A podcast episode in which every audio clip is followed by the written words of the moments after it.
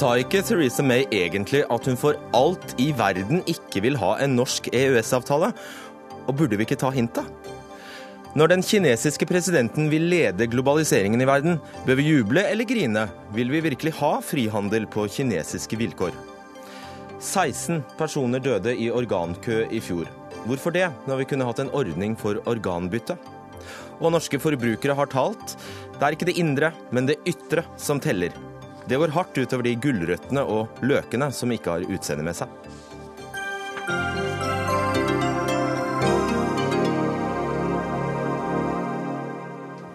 God kveld, dette er Dagsnytt 18. Jeg heter Fredrik Solvang. Denne uka ble det holdt to store, viktige og oppsiktsvekkende taler. I den ene snakket Storbritannias statsminister Theresa May varmt for selvråderett, frihandel uten EUs fire friheter og begrenset innvandring. Og i den andre lovpriste Kinas kommunistiske president Xi Jinping frihandel og liberalisering. Hva er det som skjer i verden? Vi tar først for oss Mays tale. We do not seek to adopt a model already enjoyed by other countries. And being out of the EU, but a member of the single market, would mean complying with the EU's rules and regulations that implement those freedoms without having a vote on what those rules and regulations are. Ja, ingen avtale er eh, bedre enn en dårlig avtale for Storbritannia, for vi vil fortsatt kunne handle med Europa. Vi vil fortsatt kunne inngå handelsavtaler rundt om i verden, og vi vil ha frihet til å sette konkurransedyktige skattesatser og føre en politikk som tiltrekker seg verdens beste selskaper og største investorer til Storbritannia. Og hvis vi ikke får tilgang til EUs indre marked, står vi fritt til å endre grunnlaget for Storbritannias økonomiske modell.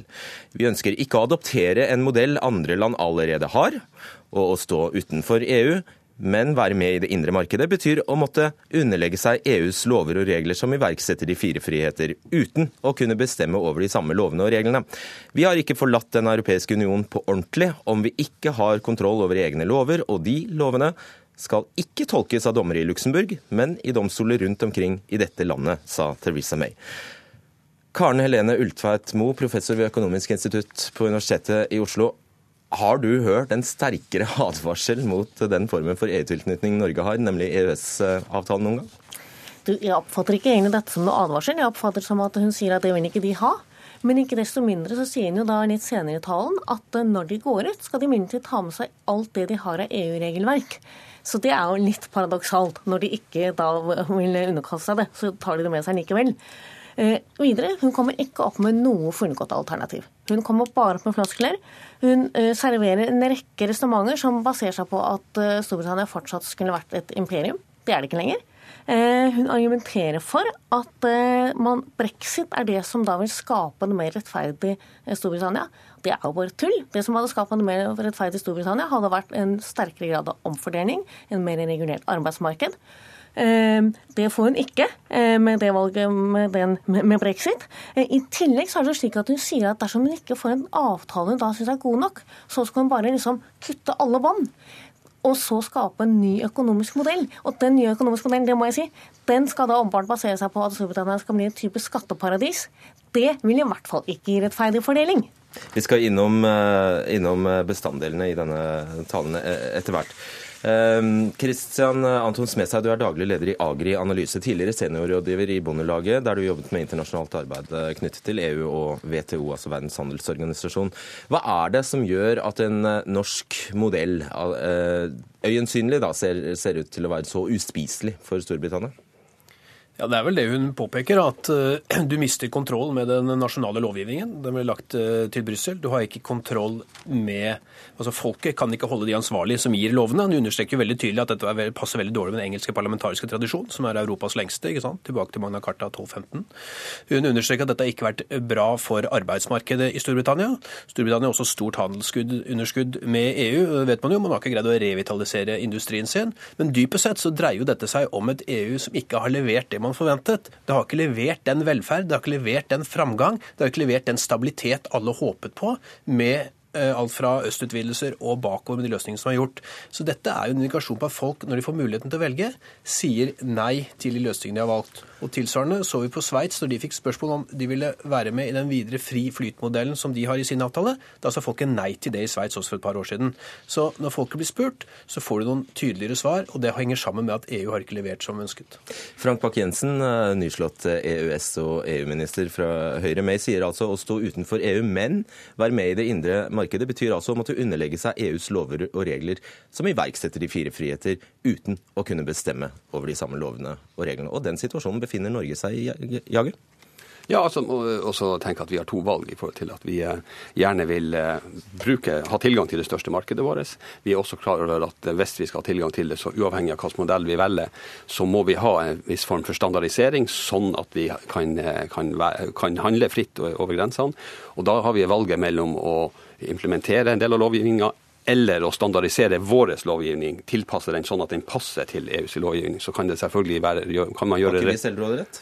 Jo, vi har selvråderett. Eh, og, og, det som jeg sier at Vi kan gjøre et retorisk poeng om vi hadde hatt mer selvråderett hvis vi skulle tilpasse vår lovgivning sånn at den passa til, til EUs for at vi skulle få lov å handle og gjøre det enkelt og ha konkurransekraft.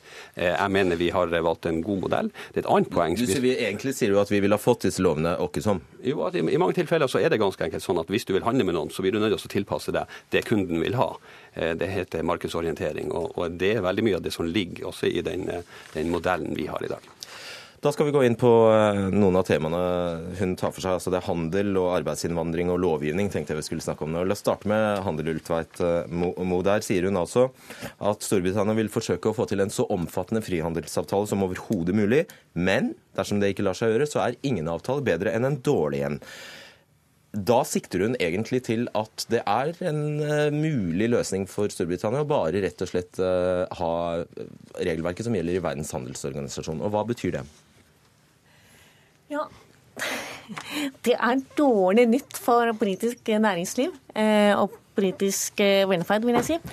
Eh, det, det, det, som jo er poenget med all dette regelverket som det snakkes om, det er jo nettopp det å få til et, det som da det omtales som, et, et fullstendig marked med hvor man har like standarder, like bestemmelser, som gjør at varer og tjenester kan flyte lett.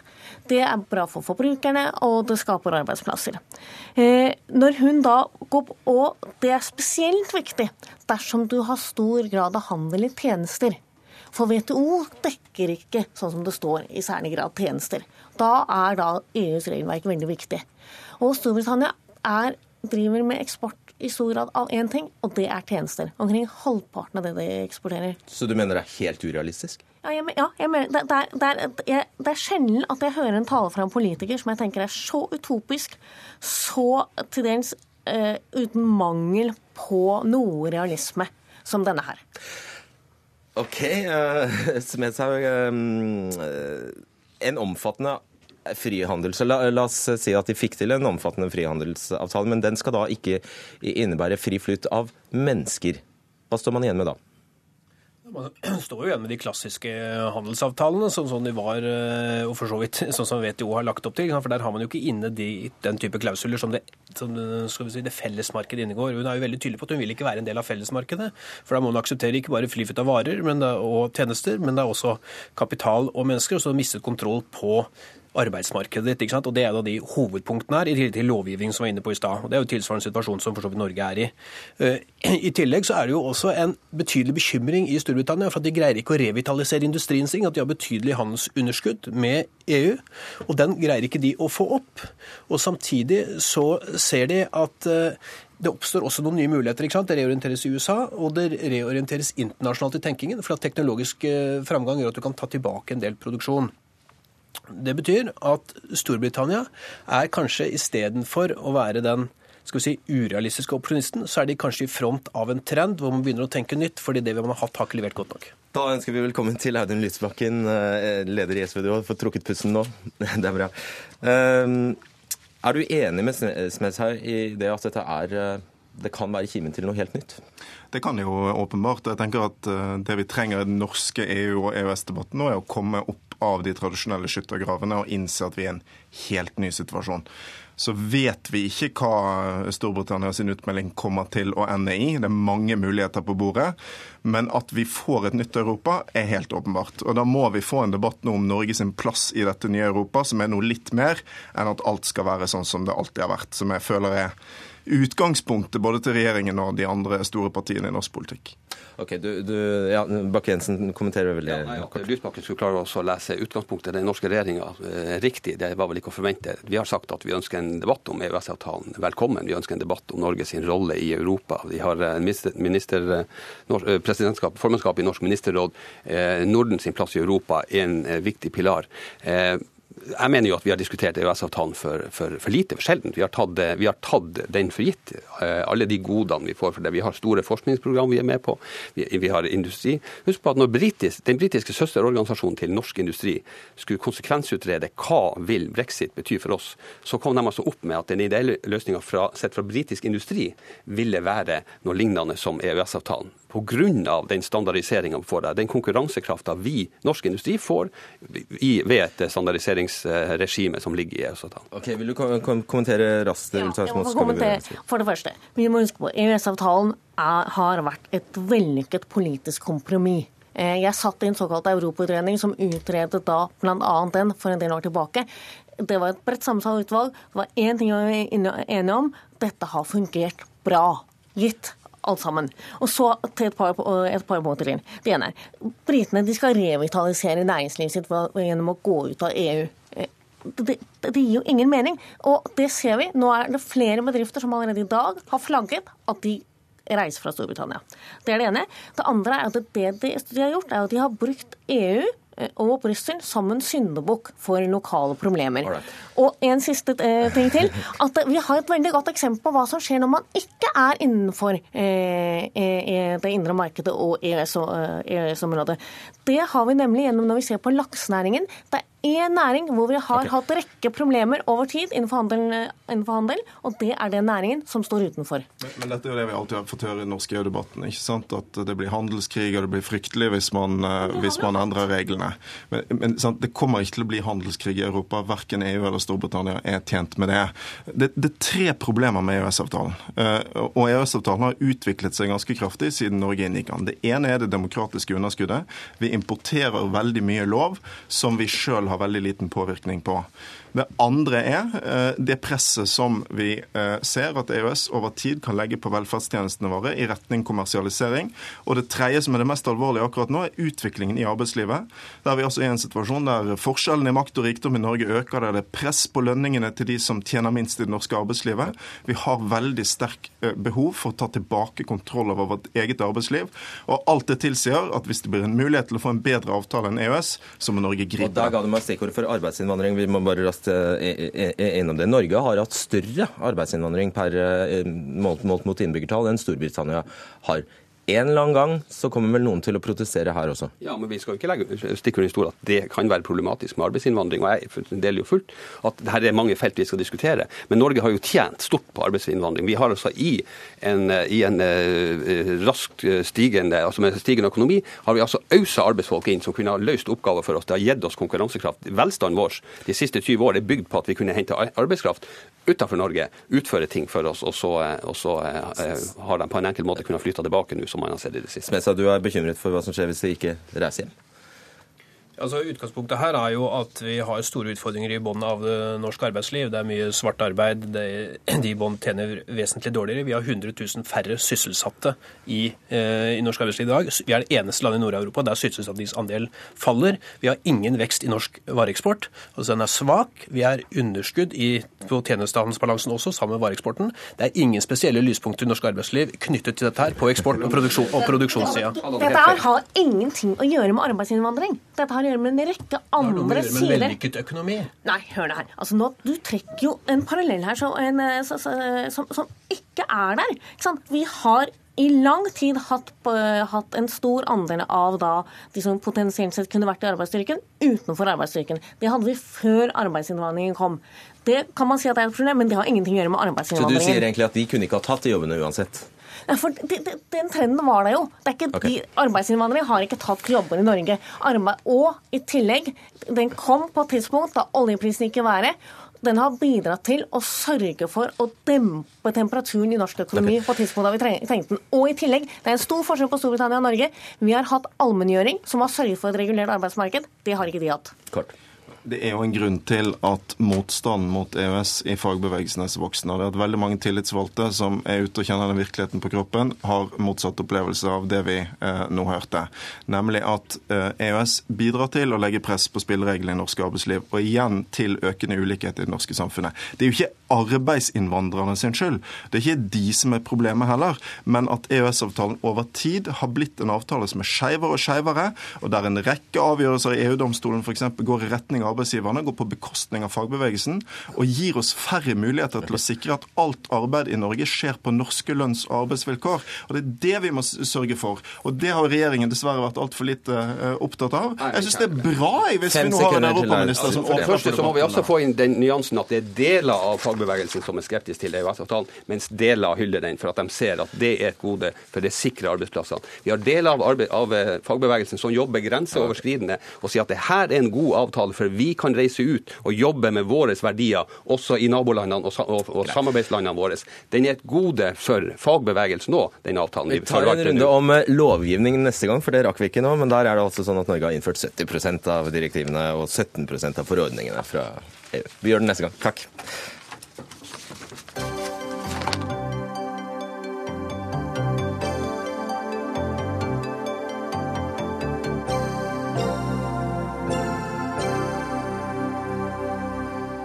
For vi må få tid til å snakke om den andre skjellsettende talen denne uka. Den ble altså levert av den kinesiske presidenten i Davos. Xi Jinping holdt en flammende forsvarstale for globalisering og frihandel. Og det skjer, skjer altså få før, eh, altså dagen, ja, noen få dager før Donald Trump overtar som USAs president. Han som under hele valgkampen har uttalt seg kritisk mot eh, frihandel og går inn for å beskytte amerikanske arbeidsplasser. Altså det motsatte av sin kommunistiske kinesiske kollega. Olav Chen, fondsforvalter i Storbrann kapitalforvaltning, kjenner eh, kinesisk økonomi eh, godt. Er verden snudd på hodet? Ja, På en måte så er det jo det. Når man ser på talen til Xi tidligere denne uken her, så var det jo frihandel han snakket veldig varmt om, og alle for fordelene det har. Og det er jo på en måte en pekefinger til eh, de trendene vi har sett, både med brexit og eh, valget av Trump, hvor eh, i valgkampen Kina var en skyteskive for eh, eh, for mye av den handelspolitikken som han mener han vil eh, føre fremover. Så det er helt klart snudd litt på hodet i forhold til eh, hva vi har sett tidligere, hvor USA har ledet eh, an. Pål Ringholm, analysesjef i Swedbank. Hvorfor holder Xi Jinping denne talen? Han holder den hovedsakelig fordi at det er en vinner siden begynnelsen av 80-tallet under globaliseringa. Det er landet som har økt eksporten mest og økt levestandarden samtidig helt hånd i hånd, og det er Kina. Det er hans egen klare egeninteresse å beholde den frihandelen oppe, selv om Kina ikke alltid har vært like åpent på sine egne hjemmemarkeder. Det dette er frihandel på kinesisk, og hva innebærer det? Ja, altså Deres posisjon er selvfølgelig at de ønsker å selge sine produkter til resten av verden, noe de virkelig har gjort på en utmerket måte, også utmerket måte for oss her i Norge. Eh, Så har de nok, så har det jo samtidig parallelt da vært mye mer restriktiv på egen jord, der eh, man må ha blitt pådytta lokale kinesiske investorer som, tar, som skal ha tilgang til teknologi for at utenlandske bedrifter skal investere der. da. Og Facebook og Twitter og andre har blitt nekta å gå inn der. Eh, Men åkke som, globaliseringa har vært til stor glede for Kina.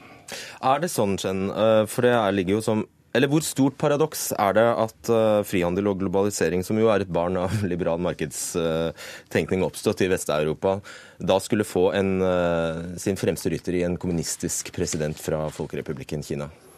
Ja, Det er jo et paradoks. Som også Pål eh, nevnte her, så er det jo litt politikk i dette her. Og. Det med at Twitter og Facebook ikke er tillatt, det tror jeg ikke er pga. økonomi, men mer politikk og eh, kontroll av eh, informasjon. Eh, men eh, det er helt klart at eh, Kina med sine erfaringer tidligere, så hvis man går litt lenger bak i tid, da, faktisk 100 år og pluss, så var Kina et veldig lukket land. Så de har jo ganske store erfaringer med hvilke konsekvenser, negative konsekvenser det har for økonomien. For når de lukket landet, så kollapset det egentlig på mange måter imperiet også. Så Kina har helt klart, som Pål nevnte, hatt de største fordelene ved handel, spesielt etter at de inngikk WTO i 2001. Slik at kaken, da, hvis man kan kalle det, eh, i, eh, som man får ved eh, global frihandel, har økt mest i Kina. Det er det ikke noe tvil om. Men det må jo likevel, det er jo for utrolig at kaka bare har blitt større, og at Kinas vekst ikke har gått på bekostning av noen? Jeg mener jo at global frihandel gjør den globale kaken større. Men eh, problemet har vært at kakestykkene, fordelingen etterpå, har vært veldig skjev, spesielt da i Vesten. Mens i Kina så har kaken blitt mye større. slik at eh, selv om kakestykkene også har vært skjevt eh, fordelt, så har også de kineserne fått godt nytte av det. For kineserne så spiste de kanskje ikke kake tidligere heller. Så det er, det er, med at de metta, munnet eller met, metta seg tidligere, slik at de har kommet helt klart på økt levestandard. Og nå opplever amerikanerne også at det bare var litt kakebunn igjen, eller noe sånt? Ja, så Jeg syns det globale perspektivet som du er inne på her, er veldig interessant. Altså, går du tilbake til 1950, så var det 79% av verdens befolkning som levde i ytterste fattigdom.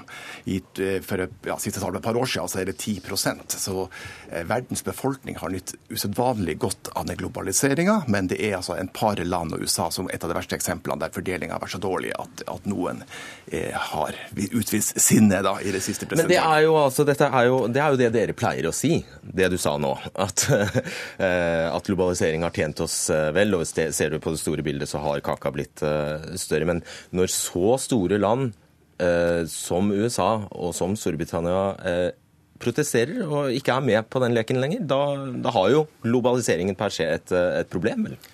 Ja, ja, og det er åpenbare problemer. og det er det fordelings... I hvert fall vi er opptatt av, både i markedet og, og økonomer generelt, er jo fordelingsproblematikken i enkelte land har vært et problem. Ikke i Norge, i motsetning til hva som ble sagt her for to minutter i studio. Men i USA er fordelinga tilbake til der det var på 2030-tallet. og Da er det jo ikke urimelig å tenke seg at det er mange som er misfornøyd med det. Og det er det som skjer. Eh, du var innom det. Hvor krise vil det være for kinesisk økonomi om um ja, om Trumps linje får gjennomslag. Det er vel en grunn til at han, eh, han stiller seg opp i Davos og sier det han gjør. Xi Jinping. Ja, Det kommer jo helt klart mottiltak også. Så jeg har jo mistanke om at begge parter nå eh, på en måte dytter litt hverandre på og skaper litt forhandlingskort til eh, de forhandlingene de skal gjøre på handelsavtalen, inkludert eh, også Taiwan-spørsmålet. Så jeg, jeg mener det er fortsatt veldig stor usikkerhet på hva som faktisk vil skje. Trump er jo en businessman og tror jeg vil gjøre dealer, som er først og fremst det som han eh, ønsker å eh, gjøre. Men han vil helt klart gjøre noen symbolsaker som, som gjør at flere jobber skapes i USA. Ja, denne, denne raidingen som Kina holder på med i Afrika, det gjør seg til bestevenn med rare eller forferdelige merkelige regimer i Latin-Amerika. Alt dette her, Er det basert på frihandel? Kan de gjøre det fordi, vi har, vi, fordi de opererer innen et frihandelsregime? Ja, eh, Jeg er ikke ekspert på det juridiske her, men de gjør det jo fordi de har behov for å få tilgang for råstoffer. Og de har også gjort en del byttehandler med en del andre dysfunksjonelle land som Venezuela for å finansiere deres oljeeksport. Så de har jo vært eh, pragmatiske i deres måte å få tak i råstoffer på. Og Vil det opphøre da, hvis, hvis eh, spillereglene endres? Eh, jeg tror ikke egentlig det der slaget står i hovedsakelig. Det står først mellom Kina og USA, der begge har eh, maktmidler de kan bruke mot hverandre. Og så er det eventuelt, da, hvis det skulle i verste fall bli noe vi kan betegne som en handelskrig, eh, så vil det også snitte over til, til Europa. Og du vil kunne også få en tilstand der det går fra en mer global handel til mer regionale handelsområder. Og det er ikke ønskelig? Nei, vi ønsker å ha det globalt i utgangspunktet, for det tjener oss i størst mulig grad. Eh, tilbake til det Ringholm eh, var innom her, Chen. Eh, samtidig med talen så kom det nyheter om at statlige investorer i, i, i Kina kjøper opp aksjer for å stabilisere marked, markedene. Er ikke det egentlig bevis for at det kommunistpartiet egentlig er ute etter, er at markedene skal, skal oppføre seg som kommunistpartiet vil? Jo, det kan du si, men det kan du også si hva eh, vestlige sentralbanker gjør også. Du ser hvor mye de trykker av penger i dag. Bare I dag hadde jo ECB et møte hvor de trykker eh, fortsatt 60 milliarder euro hver eneste måned for å stabilisere økonomien. Så det er, ikke noe, det er noe nytt i det. Men det som er kjennetegnet for Kina, er at de ønsker stabilitet. Det gjelder alt. Det gjelder aksjemarkedet, det gjelder boligmarkedet, det gjelder valutaen. De vil ikke ha noen brå bevegelser som kan skape uro og usikkerhet. Så det er det som er premisset og det som er viktigst med kinesiske myndigheter. olacaktır.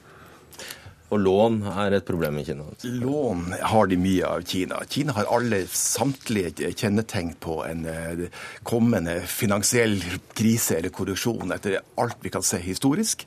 Men enn så lenge så er det som eh, Olav sier her, myndighetene har én knapp, det er på og av. Det er på med kreditt, av med kreditt, alt ettersom økonomien utvikler seg. Og den kommer til å være på helt til hvert fall partikonferansen er avholdt i oktober-november i år. Og det er faktisk noe som angår oss, eh, dette her. Takk skal dere ha. Pål Ringholm og Olav Skjenn.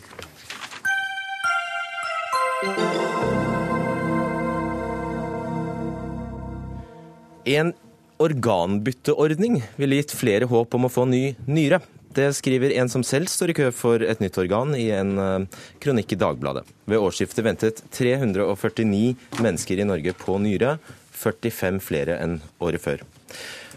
Mone Asman, til vanlig direktør i Energi Norge, men her fordi du lider av en nyresykdom. Du står i kø. Ja, eh, egentlig veldig nå nylig. fordi fram til for kun eh, underkant av 14 dager siden så trodde jeg at jeg skulle få nyre av eh, en levende donor, min mann. Mm. Men så viste det seg at det ikke passet. Ja. Og da Ja. Da, da skjønte du at det finnes, det finnes alternativer? Ja, eller det vil si Jeg tenkte først at det var en veldig dårlig nyhet. fordi at du blir stående i årevis i kø, det, det er ikke noe særlig fristende. Så jeg googlet vel da egentlig først årsaken til at den ikke passet. Og da dukket det med at man kan bytte organer med noen andre som da heller ikke har et organ, eller en donor som ikke passer. Dette hadde jeg ikke hørt om før, og det syns jeg egentlig er litt rart, fordi at jeg ble transplantert for første gang for 30 år siden og visste at jeg trenger det en gang til. Sånn at jeg er litt mer enn middels interessert i organdonasjon. Og når jeg da i tillegg fant ut at dette ikke gjøres i Norge, det gjøres i mange andre land, og Helsedirektoratet skrev sin anbefaling, eller veileder for ledende donasjoner av 2012, at de ikke anbefalte løsningen, mm. så ble jeg jo litt i stuss og skrev denne kronikken. Stemmer det, Johan Torgersen, direktør for spesialisthelsetjenestedivisjonen i Helsedirektoratet, at dere aktivt motarbeider denne formen for bytte? Nei, Jeg synes ikke det blir riktig måte å si det på. Men det, det er riktig at i veiledere fra, uh, som ble revidert i 2010, så uh, står det at man ikke anbefaler innføring av det som kalles paradonasjon eller p-donation. Eh, bakgrunnen for det, det er de diskusjonene som lå forut for veilederrevisjonen med fagmiljøene, hvor eh, fagmiljøenes innspill egentlig gikk på at i en norsk kontekst så er eh, pasientgrunnlaget for lite. Vi vil ikke få opp den gruppen av pasienter som gjør at dette blir et effektivt system. Og da er det viktig å si eh, også det at den Veilederen den er jo skrevet mynta på norsk helsetjeneste. ikke sant? Og Det er ut fra eh, rammen av norsk helsetjeneste med vårt pasientgrunnlag som den er innretta for. Fordi det du Asman, ser for deg, er jo at man kunne ha gjort det i Skandinavia? Ja, fordi at man har allerede en organisering av eh, transplantasjon i Skandinavia når det gjelder fra eh, død donor. Eh, så man gjør det i Skandinavia, så får man få samme folketall omtrent som man har i Australia, hvor man har veldig god erfaring. Og Nederland gjør man også, der har man 11 millioner innbyggere. Eh, sånn at jeg synes jo den begrunnelsen er litt eh, tynn. Og det er jo alvorlige tall. 16 personer døde i kø i fjor, så hvorfor ikke prøve? Jo, Vi ønsker å prøve, og det er derfor norsk helsetjeneste også er med på det, det initiativet som går da i Skandria Transplant, hvor det er et program som heter STEP-programmet, eh, som nettopp skal utrede mulighetene for å etablere en skandinavisk ordning for eh, paradonasjon. Og Da er vi oppe på et befolkningsgrunnlag som vil gi oss denne poolen av, eller gruppen av, eh, av pasienter som kan være egnet for den type transplantasjon. Mm. Er det et greit svar? Absolutt. Men jeg, fremdeles er det litt stuss fordi at jeg har lest altså Det er en satsing nå på både fra Stortinget, som nå nylig eh, har satt ned en arbeidsgruppe for å se på det med bl.a. levende donasjoner, for det har gått så dramatisk ned. Eh, og Der står det en rekke tiltak dere skal se nærmere på. Der er ikke dette nevnt. Mm. Det er anbefalinger fra Foreningen for nyresyke, heller ikke nevnt. Så det har virkelig ikke vært fokus på i det hele tatt. Det kan du få svar på, Sveinung Stensland fra Høyre sitter i helsekomiteen på Stortinget. Nå er det flere årsaker til at etterspørselen etter ny nyre stiger. Flere får tilbud om, om nyre, og færre i nær familie gir. Syns du dette kunne vært en løsning som kunne bøte på problemet? Jeg syns absolutt det er en løsning. Jeg leste kronikken i, i Dagbladet med stor interesse, og har, har fulgt den opp til en viss grad òg politisk. Eh, fordi i det spørsmålet her, som i høyeste grad handler om liv og død, så må vi prøve, prøve alle mulige løsninger. Og, og, det er gode erfaringer fra utlandet, men samtidig så må vi jo lytte til Helsedirektoratet, som påpeker at Norge er et lite, et lite, lite tilgang på donorer. Da. Kan, men, det stemme, men kan det stemme bare for å ta det, kan det stemme som Askman sier, at dere har glemt det? Ja, eller ikke glemt det. det, det dette er noe som ikke Nå har jeg lest gjennom hele forarbeidene til loven og òg komitéinnstillingene, for vi reviderte jo denne loven for to år siden. Da var jeg saksordfører. Og dette var ikke nevnt. Eh, dette ingen, var ingen stor sak. Så sånn sett er det synd at ikke kronikken kom. Enda verre. Dere hadde ikke glemt det, dere bare visste, visste ikke engang Nei, om det. Men, men dette, er, dette, er, ikke okay. sånn at eh, alle har dette helt fremmest på tungespissen. Men eh, når sånne initiativ kommer, da skal vi følge det opp. Men samtidig så er ikke dette alene er ikke løsningen på utfordringen vi har. For tilgangen på, på organer er dårligere òg på mange måter. fordi Blant annet så har akuttmedisin blitt så god at flere overlever dramatiske ulykker. Det er en del sånne faktorer som spiller inn nå. Vi trenger flere som stiller seg som donorer. Vi trenger flere som sier til de rundt seg at ja, jeg er donor. Hvis noe skjer med meg, mm. da vil jeg være donor. Og Det er egentlig der debatten bør ligge, men dette kan være et interessant supplement. Eh, jeg har skjønt Torgersen, at et eh, ganske vektig argument her er anonymitetsprinsippet. Hva går det? Og det spesielt gjør seg gjeldende da, siden vi er et lite land. Hva dreier det seg om?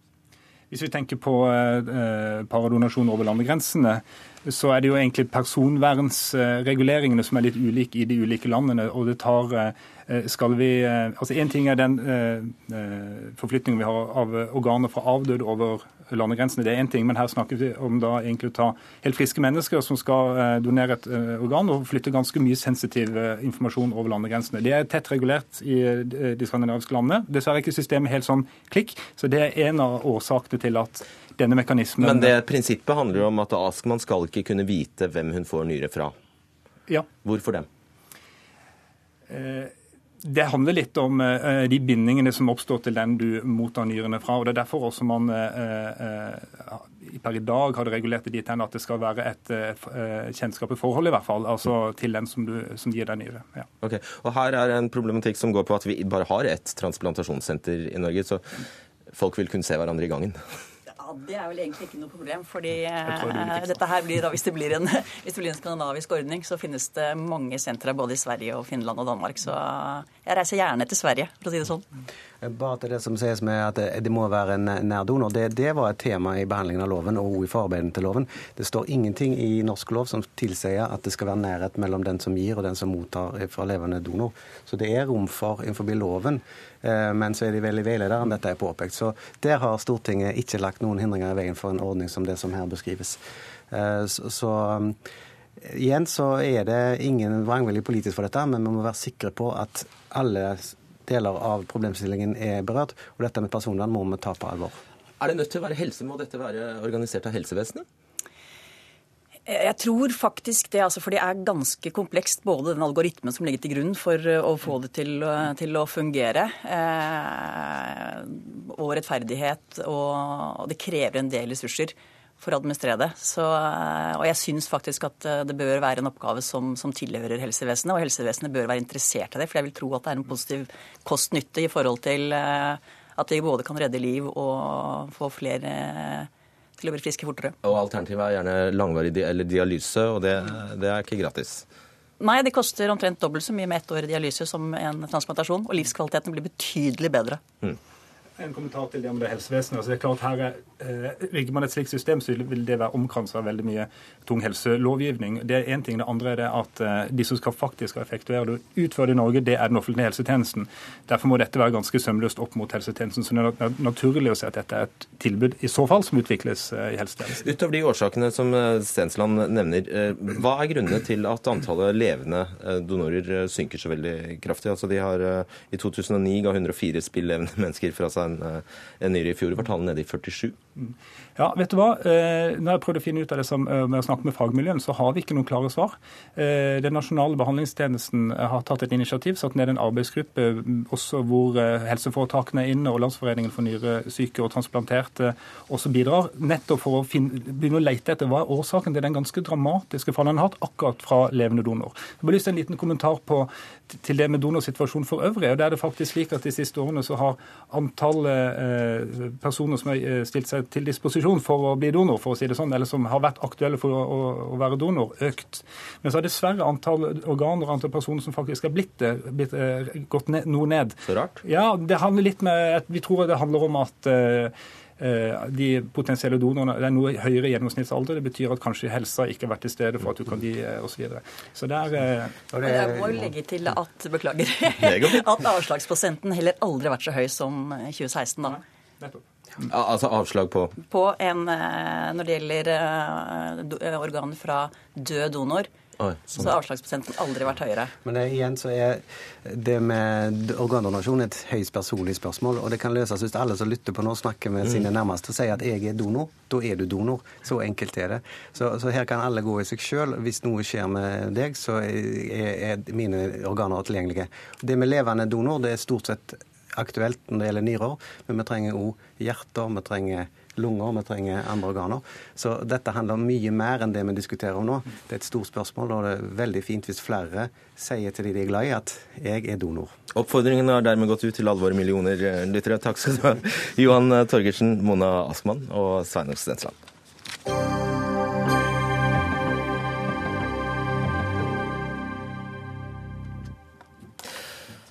Hvis en løk er for liten eller en gulrot for krokete, havner de ikke på middagsbordet. De blir søppel, kompost eller dyrefôr. Forbrukerinspektørene her i NRK kunne i går avsløre at norske bønder hvert år kaster tonnevis med spiselige grønnsaker fordi de ikke er pene eller store nok til å selges i butikkene. Og dessverre har man ikke klare tall på hvor mye grønnsaker som kastes før de når butikkene. Men eh, Pia Gulbrandsen, eh, kommunikasjonsdirektør i Bama, eh, ikke, dere betviler ikke at det er dette, dette som skjer? Mye mat kastes? Det er en del som, som, kastes, ja. Men det er selvfølgelig ingen som ønsker å kaste mat. Og redusert matsvinn er Bamas viktigste miljømål, så en av de tingene vi jobber med hele tiden, er å utnytte ressursene best mulig. Hva slags grønnsaker er det som kastes? Ja, altså, Det vi har sett på TV denne uken, er jo gulrøtter og løk. Eh, av litt ulike årsaker. Eh, det var sånn at I 2015, som disse avlingene er fra, det var eh, et fantastisk godt produksjonsår. Og vi fikk avlinger langt utover det som var, eh, var eh, planlagt. Så eh, da måtte jo alle mann til pumpene og selge det vi kunne. Og det meste ble også solgt, men, men dessverre ikke alt.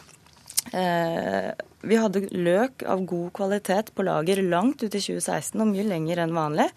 Eh, men på et eller annet tidspunkt så, så, synker kvaliteten. Og det ser man ved at pakkeriene tar skjæreprøver. De gjennomlyser, og da eh, får man øye på indre råte, begynnende spiring, ting som man ikke nødvendigvis ser med det blotte øyet. Men snakker ikke du om litt annen problemstilling enn vi egentlig skal her nå? Matsvinn? Altså Du snakker om et overskudd av mat. Vi snakker jo nå om at helt spiselig mat ikke Altså, vi kunne spist det, men det blir kastet i stedet. Ja, eh, Det er jo to ting som skjer i dette programmet med løk. Det ene er at eh, det er eh, den aller minste løken som blir kastet og utsortert. Mm. Og det andre er denne løkhaugen vi ser, som jeg sier er et resultat av et svært godt right. produksjonsår. Da har vi oppklart det. Lars Petter Bartnes, leder i Norges Bondelag. Hvem sin feil er dette? At det skjer? Du, eh, Det er litt krevende å utskrive sånn enkelt hvem sin feil. fordi Det er jo klart det er en biologisk produksjon, eh, og det er mange interesser i verdikjeden her. Eh, jeg har lyst til å prøve å definere kvalitet i den sammenhengen, her, for det er på mange måter et kvalitetsspørsmål her. Mm. Og På den ene sida så er det også spørsmål om fysiologisk kvalitet. Altså, skade... Om det er pen eller finnes? Nei, nei, fysiologisk i den forstand om det er skader på produktet, okay. om det er kvalitetsfeil på den måten. Så har du det. Alle, både bonden og verdikjeden videre, ønsker også å presentere pene, rene, gode produkt. Og det tredje knytta til kvalitet, det er jo det som har gjort de mer og mer eh, vanskelig eh, de senere åra. Og det er jo kravet til å få tilpassa produkter til en standardisert eh, emballasje. Og hvem setter de kravene? Og, og da er vi jo der at det er jo eh, industrien og kjedene som setter de kravene. Og jeg er jo litt forundra over at man ikke klarer å balansere dette bedre med å også tilpasse emballasjen til produkter i større grad. Altså Vi har fått løkstrømper som er akkurat tight for én størrelse. Altså Du kan lage en videre løkstrømpe og så få litt mer mangfold av størrelser i den, uh, i, i den du det hele tatt. Plastikkskåler for å legge gulrot i. Der at uh, alvorlig stor del av gulrota faktisk er blitt for stor når du får gode avlinger og gode, gode produkt.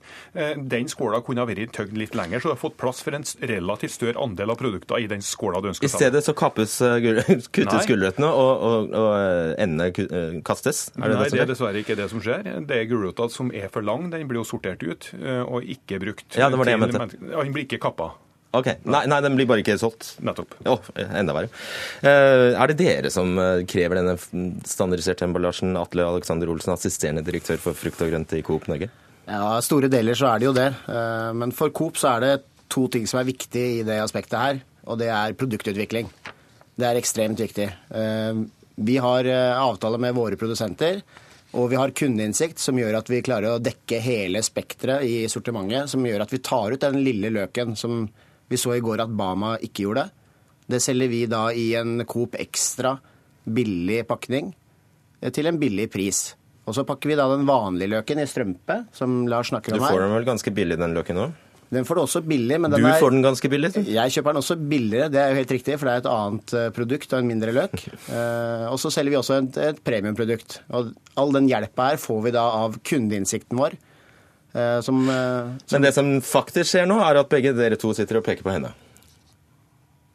Jeg peker ikke på noen, jeg prøver å fortelle hva Coop gjør. og Vi har jo våre avtaler med våre produsenter, og Bama har jo sine avtaler. så... Hvem, hvem peker du på egentlig, Bartnes? Altså, er, altså, om det er Bama eller Coop i den sammenhengen. Bama er jo en del av industrien. Coop er jo eh, kjede og industri. Så jeg snakker jo til begge to. Eh, og det er klart at eh, For Bama sin del så har Bama kunder, som også er to kjeder. Det er jo sammenhengen mellom kjede og industri som setter føringer for hvilken emballasje man velger å bruke. Og mm, vi bøndene er nødt til å prøve å produsere i forhold til den emballasjen de ønsker å bruke. Det som er spennende med produktutvikling, det er å bruke en del av de produktene som da ikke passer i den standardiserte emballasjen, og så skape nysgjerrighet rundt dem. Et godt eksempel, hvis vi går sju-åtte år tilbake i tid, så var de små potetene ikke særlig interessante i markedet. Noen bønder begynte å sortere ut dem og selge dem til restaurantene. Restaurantene syntes de var interessante, og i dag så er det faktisk et topprisprodukt i potetmarkedet. Altså Den type innovasjoner er jo kjempespennende, eh, og der trenger vi òg kreative gårdbrukere fra Løkkas. Så har vi den typen innovasjon som går ut på at dere plutselig finner ut at dere skal kappe purren i to, og så pakke den inn i plast og kaste, kaste den andre halvparten. Det gjør dere også. Du, vet du hva? Eh, bare for å holde oss i løk ett sekund til, så er det faktisk sånn at eh, vi, må, vi, må, ikke glemme at nordmenn spiser eh, veldig mye både eh, gulrot og løk. Og på løk f.eks. så er det jo 21 000 tonn i året, en økning på, fe, på 20% de siste fem årene. Eh, og det meste av økningen har kommet på norsk løk. Så faktisk så er det sånn at standardene er laget for å utnytte størst mulig del av avlingen, og vi utnytter mer og mer. Hadde du greid å lage et sånt program som forbrukerinspektørene gjorde, hvis det var sant det du sa nå? Men dette er offisielle tall fra OFG. Forstått det, bare... sånn at vi ikke har tall. Det er noe av problemet med denne debatten. Vi har jo ingen tall. Vi har jo utviklingen i forbruket og salget ja, men ikke eh, på, svinnet. på løk. Det er sant. Eh, men det er jo eh, ansvaret vårt å være med og tilpasse standarder til den avlingen men ta vi har. Men ta, ta, det, ta det Bartnes konkret utfordrer deg på. Altså den er strømpa. Mm. Dropp den, eller lag flere typer strømper. eller ja. Og sammen med plastesken til gulrøttene tilpass esken etter gulrøttene, og ikke motsatt. Ja, Men vi har jo veldig mange emballasjetyper, og sannheten er at eh, nordmenn elsker strømpeløken. De går rett etter den. Eh, så det er nå én sak. Men det er jo ikke alle som gjør det. Vi vet også at 30-40% de går etter posene eh, som har mindre løk, eller de går i løsvektkassa. Så dette her er løk for alle.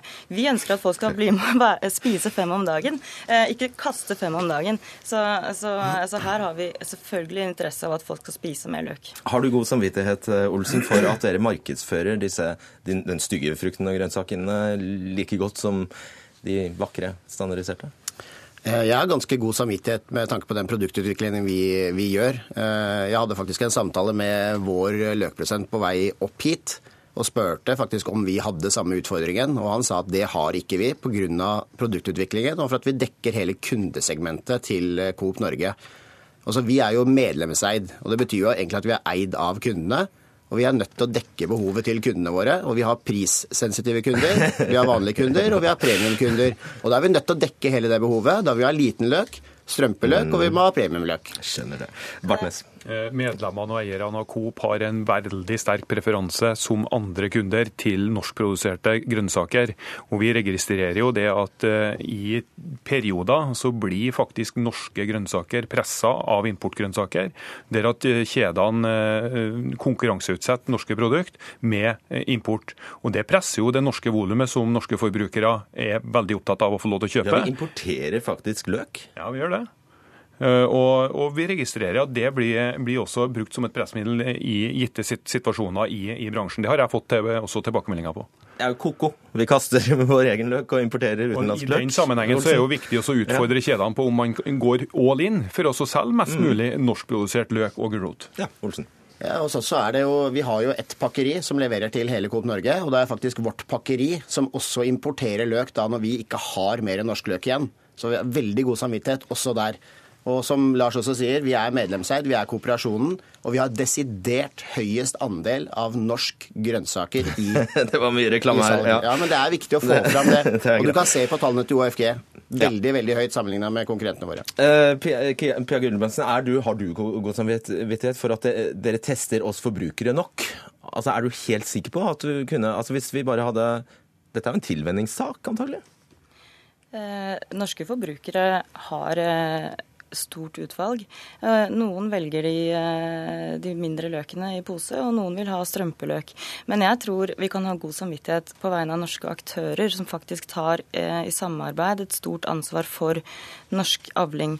Og så vil jeg bare si at ja, vi selger til dagligvarekjeder, men i tillegg så har jo vi et storkjøkkensegment, altså hotell, restaurant, kantine, som har mye videre standard, standardkrav. Og i tillegg så driver jo vi også veldig mye produksjon produktutvikling i ferskforedla varer.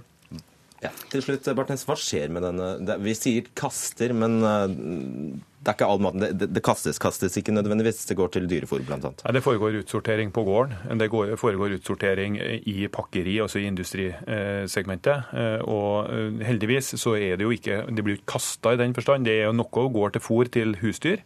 Eh, det er jo, det er jo en, tross alt en fornuftig måte å bruke det på, all den tid at det ikke går i riktig retning, altså til menneskemat. Men det er for ekstravagant å fôre gris med gulrøtter?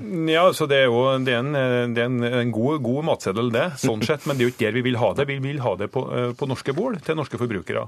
Eh, og så er det jo etter hvert eh, mer og mer bruk av biologisk masse i type bioenergi og biodieselgass. Sånn at det vil jo utvikle seg etter hvert. Så det blir ikke, det ikke kasta. Det er viktig bioråstoff også i, i den sammenheng. Men understreker dette er menneskemat, og vi må legge all in for å klare å få mest mulig av det på norsk. Og del av et svært globalt uh, fenomen. En tredjedel av maten som produseres i verden, kastes faktisk. Takk skal dere ha. Pia Gulbrandsen, uh, Lars Petter Bartnes og Atle Alexander Olsen.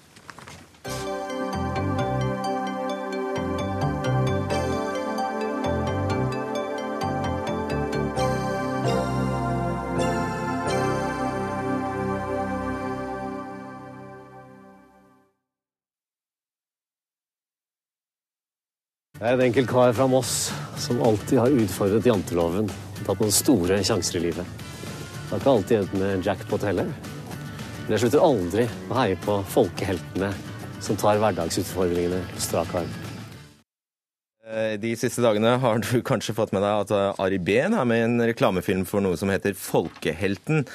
Eh, som du hørte litt av her. Og Kritikken har ikke latt vente på seg om at eh, dette er skjult reklame for eh, spillselskapet Folkeautomaten, som holder til på Malta, og at Ari Behn da lar seg bruke i reklamesammenheng for et spillselskap norske myndigheter mener er ulovlig.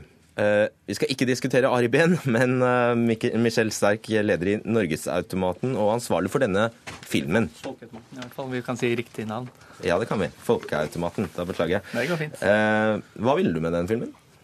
Altså, eh, Folkehelten det er rett og slett en veldedig aktivitet som vi har satt i gang, helt ikke kommersielt, i regi av eh, Folkeautomaten. Så det har I regi av Folkeautomaten. Er det reklame? Det er ikke reklame, det er eh, et veldedig tiltak som vi har gjort. For hvem? For folket. For folket? Mm. OK. Hvem går inntektene til? Inntektene fra folkehelten. Det er ikke noen inntekter der. Er det ingen inntekter? Nei. Eh, hvem, hva, hva ønsker du å oppnå, bortsett fra at det er veldedig?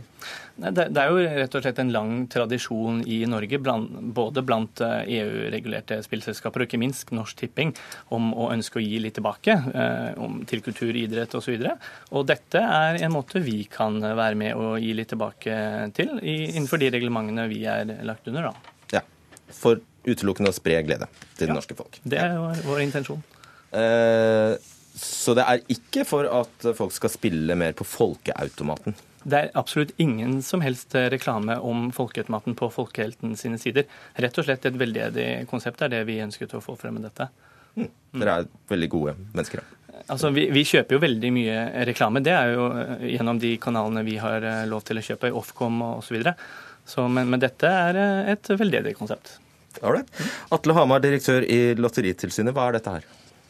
La meg først eh, slå helt klart fast. Utenlandske spilleselskap har på ingen måte lov til å operere i Norge, verken med sine pengespilltilbud eller det å markedsføre seg. Og Det vi ser her, det er jo en klassisk måte å nettopp markedsføre et pengespillselskap på, ved at ARB-en blir brukt som en kjendis. Man eh, skyver kjendisene framfor seg, og man linker det opp til folkeautomaten. Ikke sant? Der det gjør man det han sier ikke gjør det. jo, jo. Det, det, det gjør de. Sant? Og dette har vi sett i andre sammenhenger òg. At kjendisen fronter noe som har et budskap som går inn mot pengespillselskapet, og sånn sett er en ambassadør for pengespillselskapet. Så skal jo jeg si at uh, dette er jo noe vi saksbehandler nå. Vi har nettopp fått saken, så vi skal saksbehandle det skikkelig. Det kan jeg love i dette tilsynet. Og så vil jeg legge til òg, uh, sterk, at det, det finnes ikke EU-regulerte eh, spillselskap i dag. EU regulerer ingen spillselskap. Ifølge EU-retten så er jo hvert eneste land har sin egen nasjonale lovgivning på dette området. Så det, det er kanskje litt viktig å ha med seg her Ja, vi i denne kommer, debatten. vi, jeg tror vi kommer tilbake til det også. Morten Klein, du er spillinvestor og eh, største aksjonær i spillselskapet Cherry, som da altså eier Come On, og som igjen eier Folkeautomaten. Stemmer det? Det stemmer. Ja. Og du har blitt ganske rik på å investere i spill. Vi snakker ifølge Finansavisen om at aksjene dine er verdt 700 millioner eh, kroner, kanskje mer. Ja, det stemmer det at eh, på lik linje med oljefondet så har jeg vært tidlig ute og investert riktig i, i, i denne bransjen. Så ja, det stemmer. Uh, disse spillene, er de lovlige i Norge etter din mening? Altså I dag er det jo sånn at alle nordmenn har lov å spille altså Det er fri flyt mellom tjenester innenfor EU. Og nordmenn har lov å spille på internasjonale spillselskaper. Eh, dog har de ikke lov å markedsføre seg i Norge. Men, men eh, man har jo mange kanaler, som, som eh, en del TV-kanaler og, og, og en del .com-adresser, hvor det er fullt lovlig å Og der kom det. Det er egentlig det du snakker om. eh, Ja, ja. Det, det, det er det jeg eh, snakker om her. fordi at Utenlandske pengespillselskap har ikke lov å markedsføre seg i Norge, og heller ikke tilby sine pengespill retta mot nordmenn. Men det skjer allikevel gjennom at de selskapene du er medeier i, de retter TV-reklame i et enormt omfang. Man bruker hundrevis av millioner årlig for å rette markedsføringen direkte eh, mot nordmenn, men du sender ifra utlandet. Du respekterer ikke norsk lov i så måte. Og det er det som er utfordringen eh, her, eh, Morten Klein. Det er at du sier på en måte at det er fri flyt, men fri flyt eksisterer ikke her. Okay, fordi at det EU har ikke gitt en, en lisens til noe som helst her. Hvert enkelt land kan sette sine grenser, og det er det som skjer i. Europa. Ja, Det virker jo som eh, Atle Hamar ikke liksom respekterer andre lands rettigheter. og Det er jo sånn at nordmenn har lov å, å spille på disse internasjonale spillselskapene. Det er du enig i? Altså, Vi går ikke etter den enkelte borger. Vi Jeg- går, jeg vi går, vi går etter Altså, de altså, lov nor? Nordmenn kan delta på internett i de aktiviteter som skjer på internett, men jeg sier det at du skal ikke tilby den tjenesten, og du skal ikke markedsføre den tjenesten i Norge. Men når du snakker om meg som investor, tenker du på meg og oljefondet Jeg på tenker likt? på de selskapene som leverer spillene som du eier. Og oljefondet eier. Ja, ja. Ja, ja. Oljefondet, Ja, oljefondet eier der, og det har også jeg som tilsyn sagt at oljefondet bør faktisk trekke seg ut. 19 milliarder kroner har vi alle investert i utenlandske spillselskap gjennom vårt eh, kjære oljefond. Geir Jørgen Bekkevold, første nestleder i familie- og kulturkomiteen på Stortinget for eh, Kristelig Folkeparti. Eh, Det du her bevitner, er jo en spillpolitikk helt ute av kontroll. Og Derfor så er det så viktig at vi nå gjør et grundig arbeid på Stortinget eh, for å eh, få en, en, eh, en spillpolitikk i Norge som er under kontroll. Og jeg må jo si at jeg stusser jo litt på spørsmålet. Det, altså, har man ikke lov til å spille på disse Eller har ikke nordmenn lov til å bruke penger på disse utenlandske spillselskapene? Poenget er at disse spillselskapene de er ulovlige i Norge. Allikevel så er det det dere reklamerer for og bruker hundrevis av millioner kroner på. For å få nordmenn til å spille på spill som eh, vi har forbudt i Norge. I Norge så har vi det vi kaller enerettsmodellen. Det er Norsk Tipping. Og den har vi fordi at vi ønsker å føre en solidarisk eh, spillpolitikk som ikke minst ivaretar ikke å- de som har eh, spillproblemer. Vi har jo det, men da blir det jo så patetisk at det ikke er mulig å stanse det. Ja, men det, det vil vi prøve å få til. Og det er helt klart, nå skal vi denne våren eh, behandle en stortingsmelding. Eh, og jeg vet at eh, Atle Hamar, eh, han ledet det såkalte Hamar-utvalget, pekte på flere tiltak som vi burde se på for å få Ja, for i dag, bare avklare, for i dag kan du ikke, du får ikke stoppet det. Er det sånn? Jo da, altså, Vi gjør jo en rekke tiltak. Jo da, tilsynet. sier du, også, Vi- sier han tatt Nei, men ned vi- 700 millioner Nei, men nå skal, nå skal jeg forklare. Mine folk i tilsynet har gjort en enorm innsats. Vi har fjerna reklame fra over 100 norske nettsider. Vi har tatt vekk reklamen hos norske ambassadører som Malin Verås, som retter seg etter et vårt vedtak. Vi har en veldig god uttelling med Facebook og YouTube som respekterer norsk lov ved at de fjerner Facebook-sidene, de fjerner reklamen som ligger ute på nettet der disse selskapene markedsfører seg mot Norge. Så, så det, er jo, det er jo et paradoks da, at det amerikanske globale selskap de respekterer norsk lov, men europeiske betting- og kasinoselskap Nei, men Det holder respekterer ikke ikke med norsk en lov. oppfordring, regner med. En klein, eh, har altså, du blitt altså, stanset altså, altså, på jeg noe tror det som, er, det som er viktig vi har hatt en, vi har hatt, Det er 15 år siden første gangen jeg eh, diskuterte med Atle Hamar. Og, og, og den har vært der, og den debatten er der fortsatt. Og den kommer til å være der. Og du tjener penger imens? Nå, ja, og det gjør jo både jeg og, og, og mange aktører altså, som driver med spill, tjener jo penger på det. Men det som jeg tror er viktig, det er jo at eh, politikerne denne gangen her med denne spillemeldinga prøver å utnytte muligheten til å hjelpe problemspillere. For jeg mener at eh, det har vært problemspillere der gjennom 15 år siden internasjonale spillselskaper eh, begynte å oppstå på nettet. Og det jeg mener her er at Politikerne Politikere nå har en mulighet til å hjelpe de spillerne som har problemer. Den politikken som føres nå Og da snakker vi om er- lisenser, regner jeg med? ja, det er lisenser. ikke- fordi ja, for at den politikken som er nå, den er på bekostning av, av spillere som har spilleproblemer. lyst til å høre med deg, Bekkevold, hva du syns om eh, først eh, han som eh, Michel Sterk her, altså at eh, folkehelten er et veldedig, eh, veldedig tiltak? Nei, folkehelten er folke, Folkehelten altså Jeg har ikke lyst til å diskutere det eller ARB-en, men, men Folkeautomaten de har bare én intensjon, og det er å tjene penger. Det å få folk til å spille, tjene, slik at de kan tjene penger, og eierne kan tjene penger. Politikerne vi tok tak. Vi har tok tak eh, i eh, 2005 når vi fikk eh, automatforbudet. eh, og, og sørget for at det ble forbudt, for vi så at det skapte problemspillere. Eh, Vi eh, prøver nå gjennom stortingsmelding å få strammet dette til, og ikke minst sørge for at Lotteritilsynet får Ja, men Han ler jo hele veien til banken, Bekkevold. Jo da, men, eh, men vi har sikkert ikke gjort nok. Men vi må prøve å se hvordan vi klarer å få stoppet Ja, den ulovlige reklamen som er nå. For jeg tror at når disse selskapene bruker profilerte eh, kjendiser, og ikke minst eh, idrettsutøvere, eh, så tror jeg at det er ganske mange som ikke er klar over at de spillene som de spiller på, er ulovlige. Så informasjon er utrolig viktig, og vi skal komme tilbake igjen til det i, i meldingen. Bare, bare, veldig kort, bare veldig kort. Altså, Norske pengespill de er regulert på en ansvarlig måte ved at det er regulert hvor mye jeg og du kan tape. Det er det ingen regulering på hos de utenlandske bettingselskapene eller kasinoselskapene. Du kan spille hundretusenvis av kroner i løpet av én kveld og én natt, og det er ingen som stopper deg. Norsk Tipping har nå innført en totalgrense på 20 000 kroner.